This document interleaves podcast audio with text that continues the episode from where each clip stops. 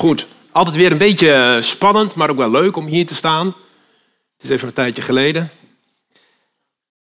Maar heel eerlijk, ik sta hier een klein beetje met mijn ziel onder mijn arm. Dat kun je niet zien, maar het is wel zo. Ik kan hem onderuit halen. Sinds, uh, nou ja, dat heeft dus niks met Levi te maken die we hebben verhuisd. Afgelopen donderdag hebben we de laatste dingetjes over verhuisd naar Arnhem. Maar dat vind ik wel goed. Was goed, het was zijn tijd, hij wilde graag. Vonden we goed. Maar ik loop een beetje met mijn ziel onder mijn arm. Want uh, Tamer en ik zijn sinds dinsdagmiddag vijf uur kantoorloos. Het kantoor is er nog wel, maar wij mogen, wij mogen daar niet meer komen. nou ja, zo is het niet. En als je dan die lieve kantoormensen hier ziet zitten, ja, dat maakt het natuurlijk niet makkelijker om het afscheid te maken. Maar goed. Ik had een preek te maken, dus ik had mooi wat afleiding. Het is goed. Voordat ik begin dacht ik van, het is misschien wel eens even goed om eens wat aannames met jullie door te gaan nemen, want dan weet ik een beetje wat voor publiek we hier hebben zitten. Nee, dat geeft niet. Je weet dan niet wat er gaat komen. Dus, uh... Nee, het is heel simpel. Ik dacht van, als we hier zo, zoals we hier zitten, mag ik toch wel aannemen dat de meeste van ons christen zijn. Het hoeft niet allemaal te zijn, maar ik denk toch wel de grootste groep. Doe ik dan iets, zeg ik dan iets geks of zeg je nee, nou, dat, dat klopt wel? Toch? Ja, denk ik ook, ja. En dan eens even kijken. Mevrouw, mag ik van u dat boek even daar? Oh, dank u. Volgende aanname. Ik neem aan dat we allemaal weten dat dit de Bijbel is. Dat hoeven we niet aan te nemen, want dat staat er gewoon op. Maar we nemen wel aan dat dit Gods woord is, toch? Ik denk dat we dat ook weer met z'n allen aannemen. En als dit Gods woord is, dan is het volgens mij ook de waarheid. Toch? Ja, dank je. Dus voor zover niks geks gezegd. Ik kan me wel voorstellen dat je denkt, waar wil die man nou heen? Maar goed. Um, als er dan in de Bijbel bijvoorbeeld staat dat Jezus Gods zoon is, dat hij stierf voor ons aan het kruis van Golgotha ter vergeving van onze zonden, dan is dat best moeilijk te snappen. En dat hij ook weer opstond uit de dood, dat is moeilijk te snappen. Maar we geloven het wel, toch? Aanname. Ik denk dat jullie het allemaal wel geloven. Als er in de Bijbel staat dat God de wereld schiep in zes dagen. Dat staat in de Bijbel, dus dat is waar, toch? We kunnen misschien straks bij de koffie even discussiëren hoe lang was zo'n dag dan, maar er staat zes dagen. Dus ik ga ervan uit dat jullie dat ook geloven. Toch? Tien geboden staan ook in de Bijbel. Je zult niet liegen, niet stelen, eh, de, de Heere God eren, eh, niet jaloers zijn, dat soort dingen. Dat geloven we ook, toch? En dat is ook, als het goed is, is dat ook een beetje wat we willen doen, waar we naar willen gehoorzamen. Toch? Ja, ik hoor geen grote protesten. Dus die aannames, die, die kloppen allemaal volgens mij, toch? Ja. En zo kan ik natuurlijk nog wel even doorgaan, want er zijn veel meer van dat soort voorbeelden. Als wij doen wat God van ons vraagt, dan zul je ook merken dat we steeds meer en meer veranderen naar het beeld van God. En wat dat betreft is, is, is dit een beetje een, mag ik het zo zeggen, een gek boek. Het staat vol met informatie. Er staat de geschiedenis van de koningen van Israël. Uh, het begin van de aarde staat erin. Uh, als, je, als je goed doorleest, zie je ook de, de geschiedenis van de, de, de landen daaromheen. En toch is het geen, geen boek van informatie. Het is een boek van transformatie. God wil ons veranderen. als je die Bijbel leest, dan komen we daar een, een God tegen die, die heel vol liefde is, die um, genadig is. Maar de Bijbel is ook het verhaal van een God die geliefd wil worden door zijn schepping, door ons. En door, hij wil ons dus daarom ook door zijn woord heen, wil hij ons als het ware veranderen, transformeren zodat wij Hem volledig kunnen liefhebben. Dat is eigenlijk prachtig, hè? Dus hoe meer wij God lief zullen hebben, hoe meer wij er ook ons naar uitstrekken om te doen wat Hij van ons vraagt. Nou, met dat in gedachten, dat is wat ik net allemaal zei, met onze aannames en dan het willen volgen en het willen doen wat er in de Bijbel staat, en dat God ons wil transformeren, zodat we hem volledig kunnen liefhebben, dat moet je even in gedachten houden, wil ik met jullie naar een hele bekende Bijbeltekst gaan. Nou, dat zegt natuurlijk nog niks, want er zijn een heleboel bekende Bijbelteksten. Ik wil gaan naar Matthäus 28, de vers 18 tot 20. Ik heb hem uit de herziene statenvertaling. Ik weet niet precies welke dit is. Maar we gaan hem gewoon even lezen. En Jezus kwam naar hen toe. Hij sprak met hen en zei: Mij is gegeven alle macht in hemel en op aarde. Ga dan heen, onderwijs al de volken en dopend in de naam van de Vader, de Zoon en de Heilige Geest. Hun lerend alles wat ik u geboden heb in acht te nemen. En zie, ik ben met u al de dagen tot aan de voleinding der wereld. Amen. Nou, daar is het. Dat is de tekst. Met datgene wat we tot nu toe gezegd hebben, moeten we eigenlijk ook iets met deze tekst, is het niet? En als we ook daadwerkelijk iets met deze tekst gedaan zouden hebben als gemeente zoals we hier nu zitten, zouden we hier dan nog wel zitten? Vraagteken. Waarschijnlijk weten jullie ook wel dat deze, dit stukje tekst uit Matthäus, dat staat bekend als de grote zendingsopdracht. Nou, dan kun je de hele Bijbel doorlezen. Er staat nergens dat dit de grote zendingsopdracht is. Het schijnt dat een Nederlandse zendeling dit heeft bedacht en dat uh, Hudson Taylor dit later heeft overgenomen. Maar goed. Als er dan gepraat wordt over de grote zendingsopdracht en, en de Bijbelse argumentatie over zending en evangelisatie, dan wordt heel vaak dit erbij gepakt. En dat is mooi, dat is goed. Dat is veel te weinig. Dat is eigenlijk veel te dun. Want als we de Bijbel goed doorlezen, en dat kun je bijvoorbeeld in uh, eh, 90 dagen doen. Ik denk dat dat wel klaar is nu toch, of niet? De 90 dagen. Wat? Nee? Gaat het langzaam, joh? Wanneer ben je klaar dan? Oh, oh ja, er zat een kleine break tussen. Zo was het. Oh ja, oké. Oh, oké. Nou, of in een jaar. In ieder geval. Als je de Bijbel goed doorleest, dan zie je dat er een heleboel Bijbelversen staan over zending en evangelisatie. Niet alleen maar in het Nieuwe Testament, hè, dat, dat, dat geloven we wel. Maar ook in het Oude Testament gaat het heel vaak over zending en evangelisatie. God wil niets liever dan dat zijn naam bekend wordt, dat iedereen weet, alle volken van de wereld, dat die weten wie hij is. God wil niets liever dan ons allemaal, alle volken op deze wereld, te zegenen met zijn goedheid, met zijn genade en met zijn verlossing.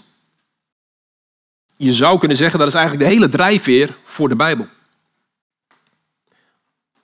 Maar laten we maar eens even dan naar het Oude Testament gaan. Dan gaan we naar, uh, dan begin ik in Genesis 22, vers 18. En die heeft ook alweer. Top. dit is uh, Abraham. En God zegt tegen Abraham: En in uw nageslacht zullen alle volken van de aarde gezegend worden, omdat u mijn stem gehoorzaam geweest bent. Iets anders. Maar het gaat met name even om dat nageslacht. Want dat blijkt, als we dan weer even kijken naar Galaten 3, vers 16, dan blijkt dat. Nee, die heb je niet gekregen hoor. dan blijkt dat te zijn, namelijk dat nageslacht, dat is, dat is enkelvoud. Uh, in een andere vertaling staat wel zaad, of in het Engels staat offspring. Maar Galaten 3, vers 16, 16 zegt, dat is Christus. Christus die de Vader liet zien aan de wereld en Christus die Gods zegen is voor alle volken.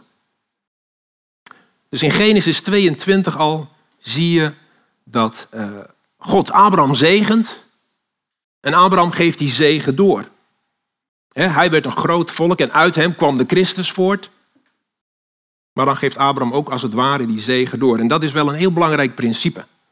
Als je gezegend wordt, geef je zegen door.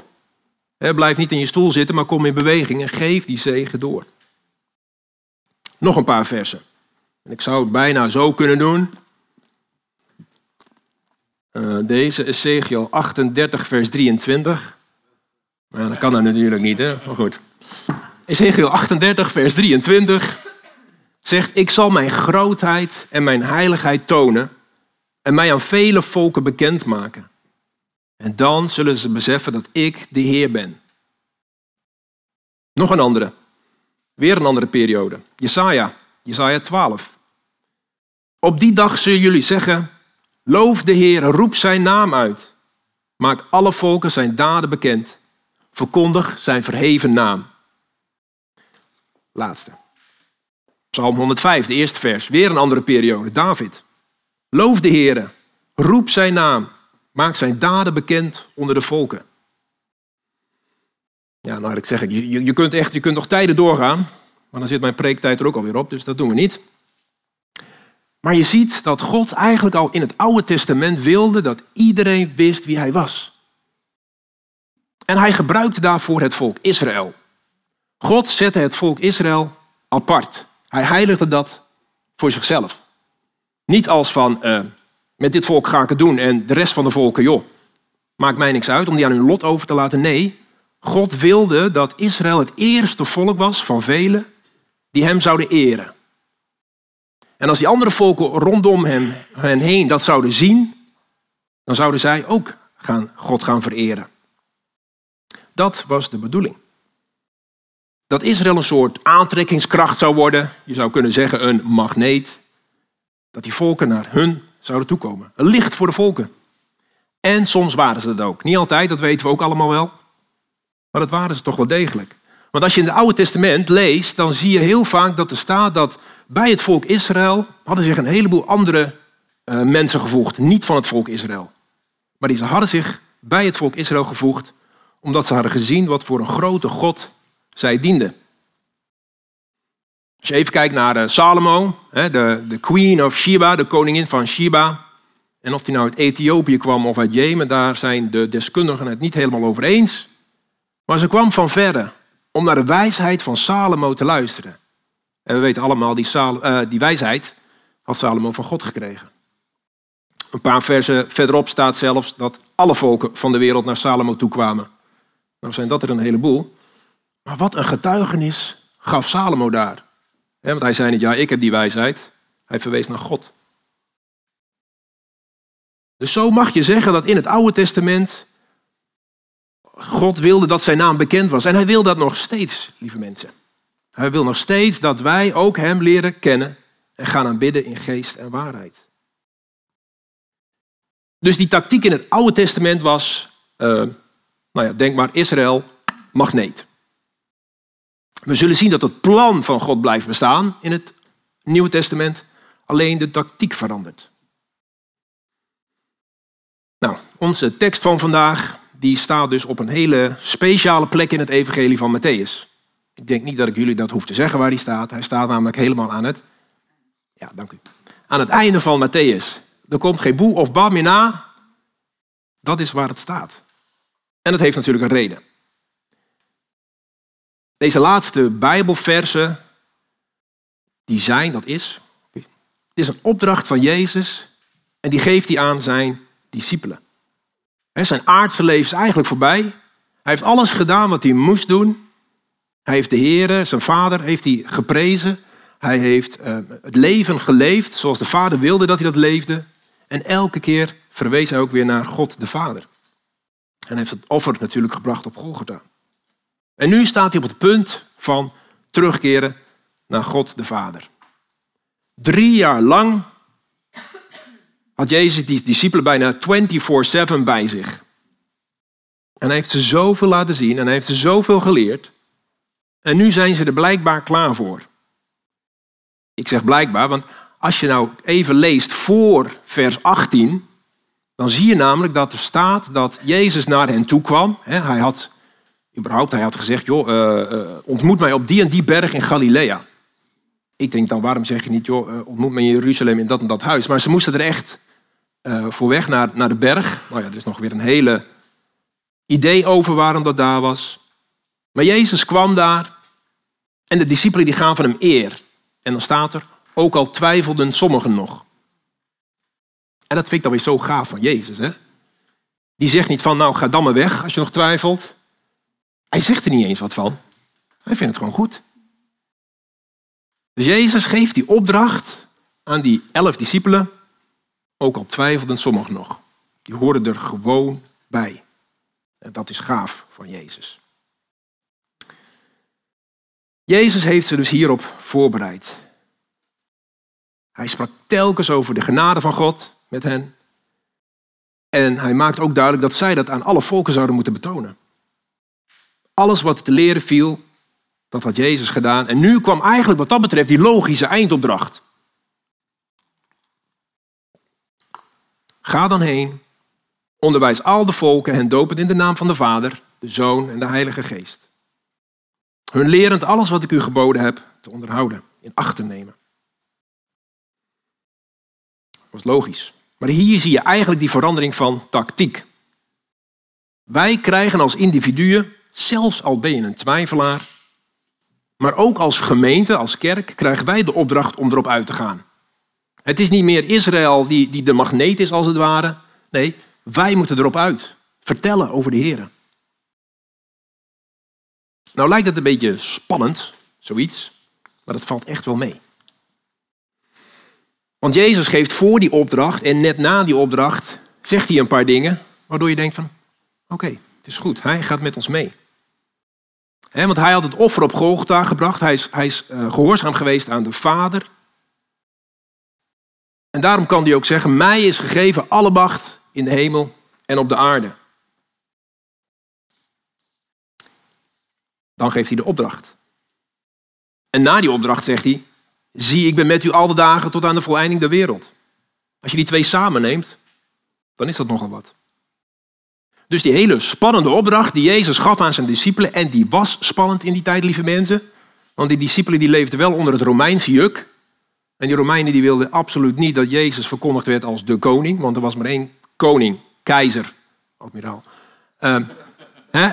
En dat was uh, de, keizer van Rome. Dus dat was spannend. Maar nog veel spannender was het eigenlijk met hun eigen uh, volk, de Joden. Die wilden absoluut niet dat zij Jezus zouden verkondigen als Messias. Ja, dat kon ze hun leven kosten. Dus dat was een hele spannende tijd. Maar doordat Jezus dit erbij zei, werd het als het ware een beetje ja, lichter, makkelijker. Hé, hey, Jezus, Hij is bij ons. En dat telt ook voor ons. Dus het belangrijkste van die opdracht is dat we discipelen maken. Dat betekent niet dat we alleen maar het evangelie verkondigen en we gaan naar de volgende deur. Dat betekent dat je het evangelie verkondigt en als er iemand tot geloof komt, dan ga je hem dus alles leren wat Jezus jou geleerd heeft. En dan hoop je en dan bid je en dan maak je ze klaar. En dan gaan zij ook op hun beurt weer de zegen doorgeven. Ja, dus lieve mensen, het is heel simpel. We hebben gewoon een opdracht. Hier staat hij. Als individu, maar ook als kerk samen. Ik denk dat het heel goed is om ons te realiseren dat wij als kerk, we, we bestaan niet voor onszelf. Als ik terugkijk op de afgelopen jaren van ons als gemeente, dan zie ik dat we aan het overgaan zijn van een gemeente die bij elkaar kwam omdat het gewoon fijn en, gezellig was als broers en zussen. We zijn eigenlijk aan het overgaan naar een gemeente die beseft dat we Gods kinderen zijn. Dat we zijn priesters zijn. En dat we een opdracht hebben. Ik denk te zien, als ik zo de gemeente rondkijk, dat we ook echt op zoek zijn naar die opdracht dat we daarbij een hele mooie groep christenen zijn en toffe mensen zijn, dat is gewoon zo. Dat is gaaf. Dat is niet het hoofddoel. Maar het besef dat we Gods instrument zijn om zijn plan mee uit te voeren. wij zijn zijn instrument om zijn plan mee uit te voeren. Dat wortelt zich ook steeds dieper in onze gemeente volgens mij. En dat vind ik gaaf. En in dit geval is dus die opdracht ook het plan van alle volken tot zijn leerlingen te maken. Dus daar moeten we ook naar gaan leven, lieve mensen. Misschien is het wel juist dat Gods instrument zijn, dat toch wel een beetje spannend is. Want eigenlijk zeg je dan, Heere, laat uw wil maar geschieden. Vertel het me maar. Wat moet ik doen? En dat is wel spannend. Maar dat zijn woorden die, die Samuel sprak in het Oude Testament. Hè? Heere, spreek, uw dienstknecht luistert, uw dienstknecht hoort. Dat waren woorden van uh, Maria, en ook Jezus heeft er zelf ook gesproken. We zaten laatst in onze livegroep. Dat is wel de leukste livegroep. En uh, we zaten met, aan het einde van het zaten we gebedspunten met elkaar te delen. En een van, van uit de groep die zei van, joh, wil je met mij meebidden, voor mij bidden, uh, Dat God mij duidelijk wil maken of er iets verkeerds in mij is.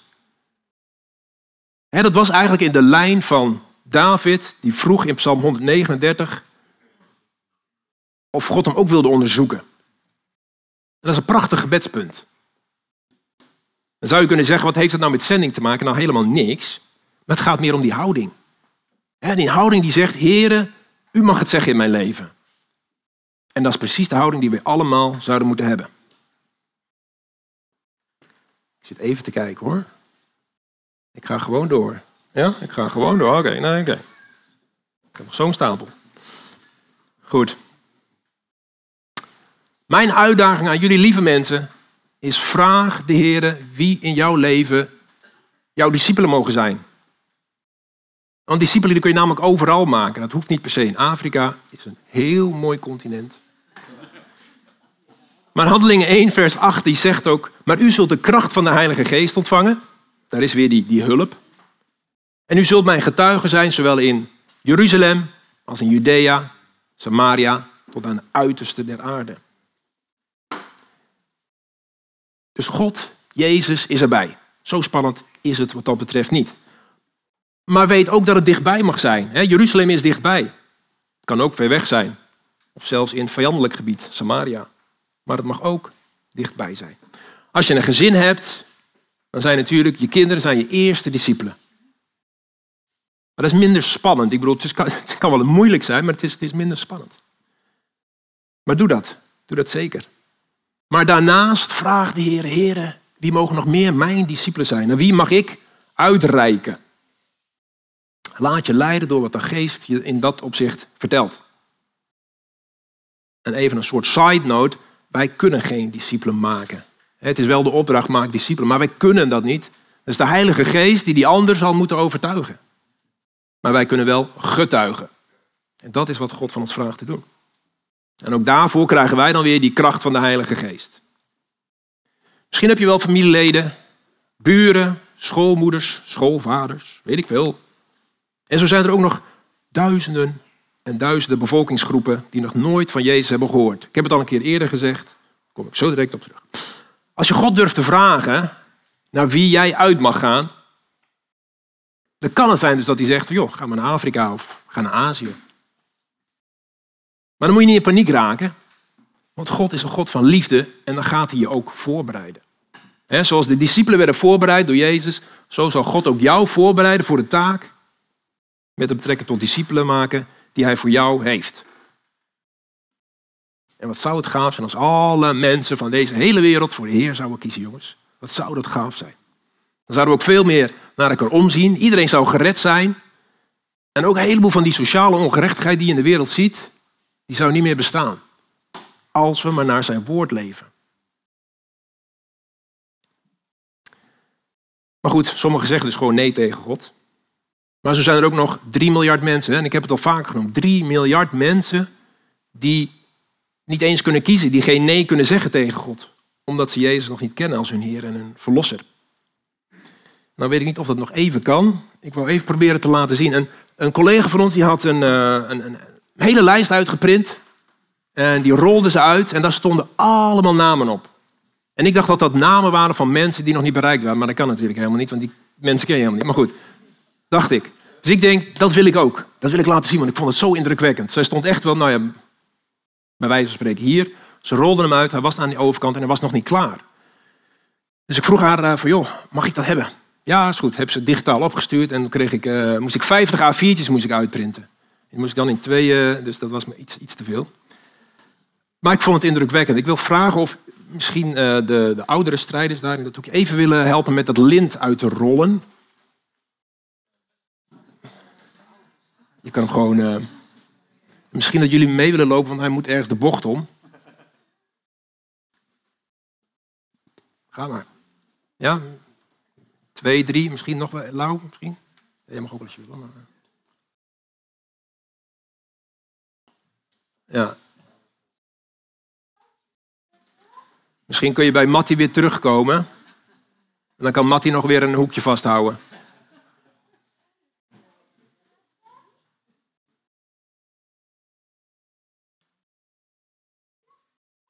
Mag ook wel lager, ja, maakt helemaal niet zoveel uit. Oh, ja. Ben je er bijna ook niet? Zo. Ja, oké. Deze lengte, lieve mensen. Moet je je voorstellen dat hier dus allemaal namen opgeschreven staan. Van allemaal bevolkingsgroepen. De Jola, de Fula, Mandinka. Ik ken alleen maar de, de Farsi, de, de Khmer. Allemaal namen. Duizenden en duizenden namen staan hier opgeschreven. En dat betekent niet... Dat, dat, zijn miljarden namen dus eigenlijk uiteindelijk. Van mensen die, die Jezus niet kennen. Ik laat hem even los. En ik vond het zo indrukwekkend om dat op die manier te zien dat er nog zoveel mensen zijn die Jezus niet kennen. Dus die opdracht is nog steeds springlevend, lieve mensen. We kunnen er niet van afkomen door te zeggen, joh, dat is niet meer nodig. Die opdracht staat nog steeds. Voor jou, voor mij en ook voor de kerk. Dus laten we onze knieën buigen. We onze handen vouwen. En vraag aan de Heer, Heere, laat uw wil geschieden. Voor wie mag ik uw instrument zijn? Wie mag ik tot uw discipel maken? Dat is de uitdaging. Dus neem dat mee naar huis. Als je gaat bidden, vraag daarom. Laat het niet los, lieve mensen. Ik wilde eigenlijk nog de, de video Tears of the Saints laten zien. Dat doe ik niet, geen paniek. Tears of the Saints, tranen van de heiligen. Zoek dat eens op op YouTube. Tranen van de heiligen. Met uh, Nederlandse ondertiteling. Ja, ik, ik moet daar altijd eh, bij huilen. Gewoon de, de nood die je daarin ziet, lieve mensen. Dus ga daar eens naar op zoek. Oké. Mocht je met iemand willen praten over zending. Uh, hier ben ik, hier zijn wij. Daar zijn de Van Iperens. Hier zijn Laura en Sido. Daar zijn Frits en Marieke. Jan Jelte zag ik ook nog ergens. Daar is Jan Jelte. Uh, Matthijs en Lilian. Hier moet je kijken hoeveel. Kom naar iemand toe. Praat erover. Praat erover. Misschien hoe je de stappen moet nemen, weet ik veel. Kom naar ons toe. Als laatste heb ik daar achter in de zaal nieuwe weknieuws neergelegd. Het gaat natuurlijk over zending. Wek gaat over zending. Het gaat ook even over die 75 jaar. Dus pak er eentje mee, neem mee. En uh, dan wil ik heel even bidden, als dat mag, kan. Ik zie Peter ook niet meer. Dus, uh... Oh, hi Peter. Lieve Hemelse Vader, dank u wel dat u zo'n liefhebbende God bent. Heer, we hebben erover gezongen. U bent zo groot, Heer. U komt toe alle lof en alle eer. Heer, en als we beseffen hoe gezegend wij zijn, dan is het mijn gebed dat wij allemaal, zoals we hier zitten, die zegen willen doorgeven. Heere, spreek tot ons hart. Wie mogen wij tot discipelen maken? Heer, bij wie mogen wij getuigen van wie u bent? Heere, schrijf dat in ons hart. En, ja, en uh, laat ons in beweging komen, Vader. Heer, zo wil ik al mijn broers en zussen en ook mezelf zegenen in de naam van Jezus. Want we hebben uw hulp daarbij nodig, uw richting. Dank u wel, Hemelse Vader. Amen.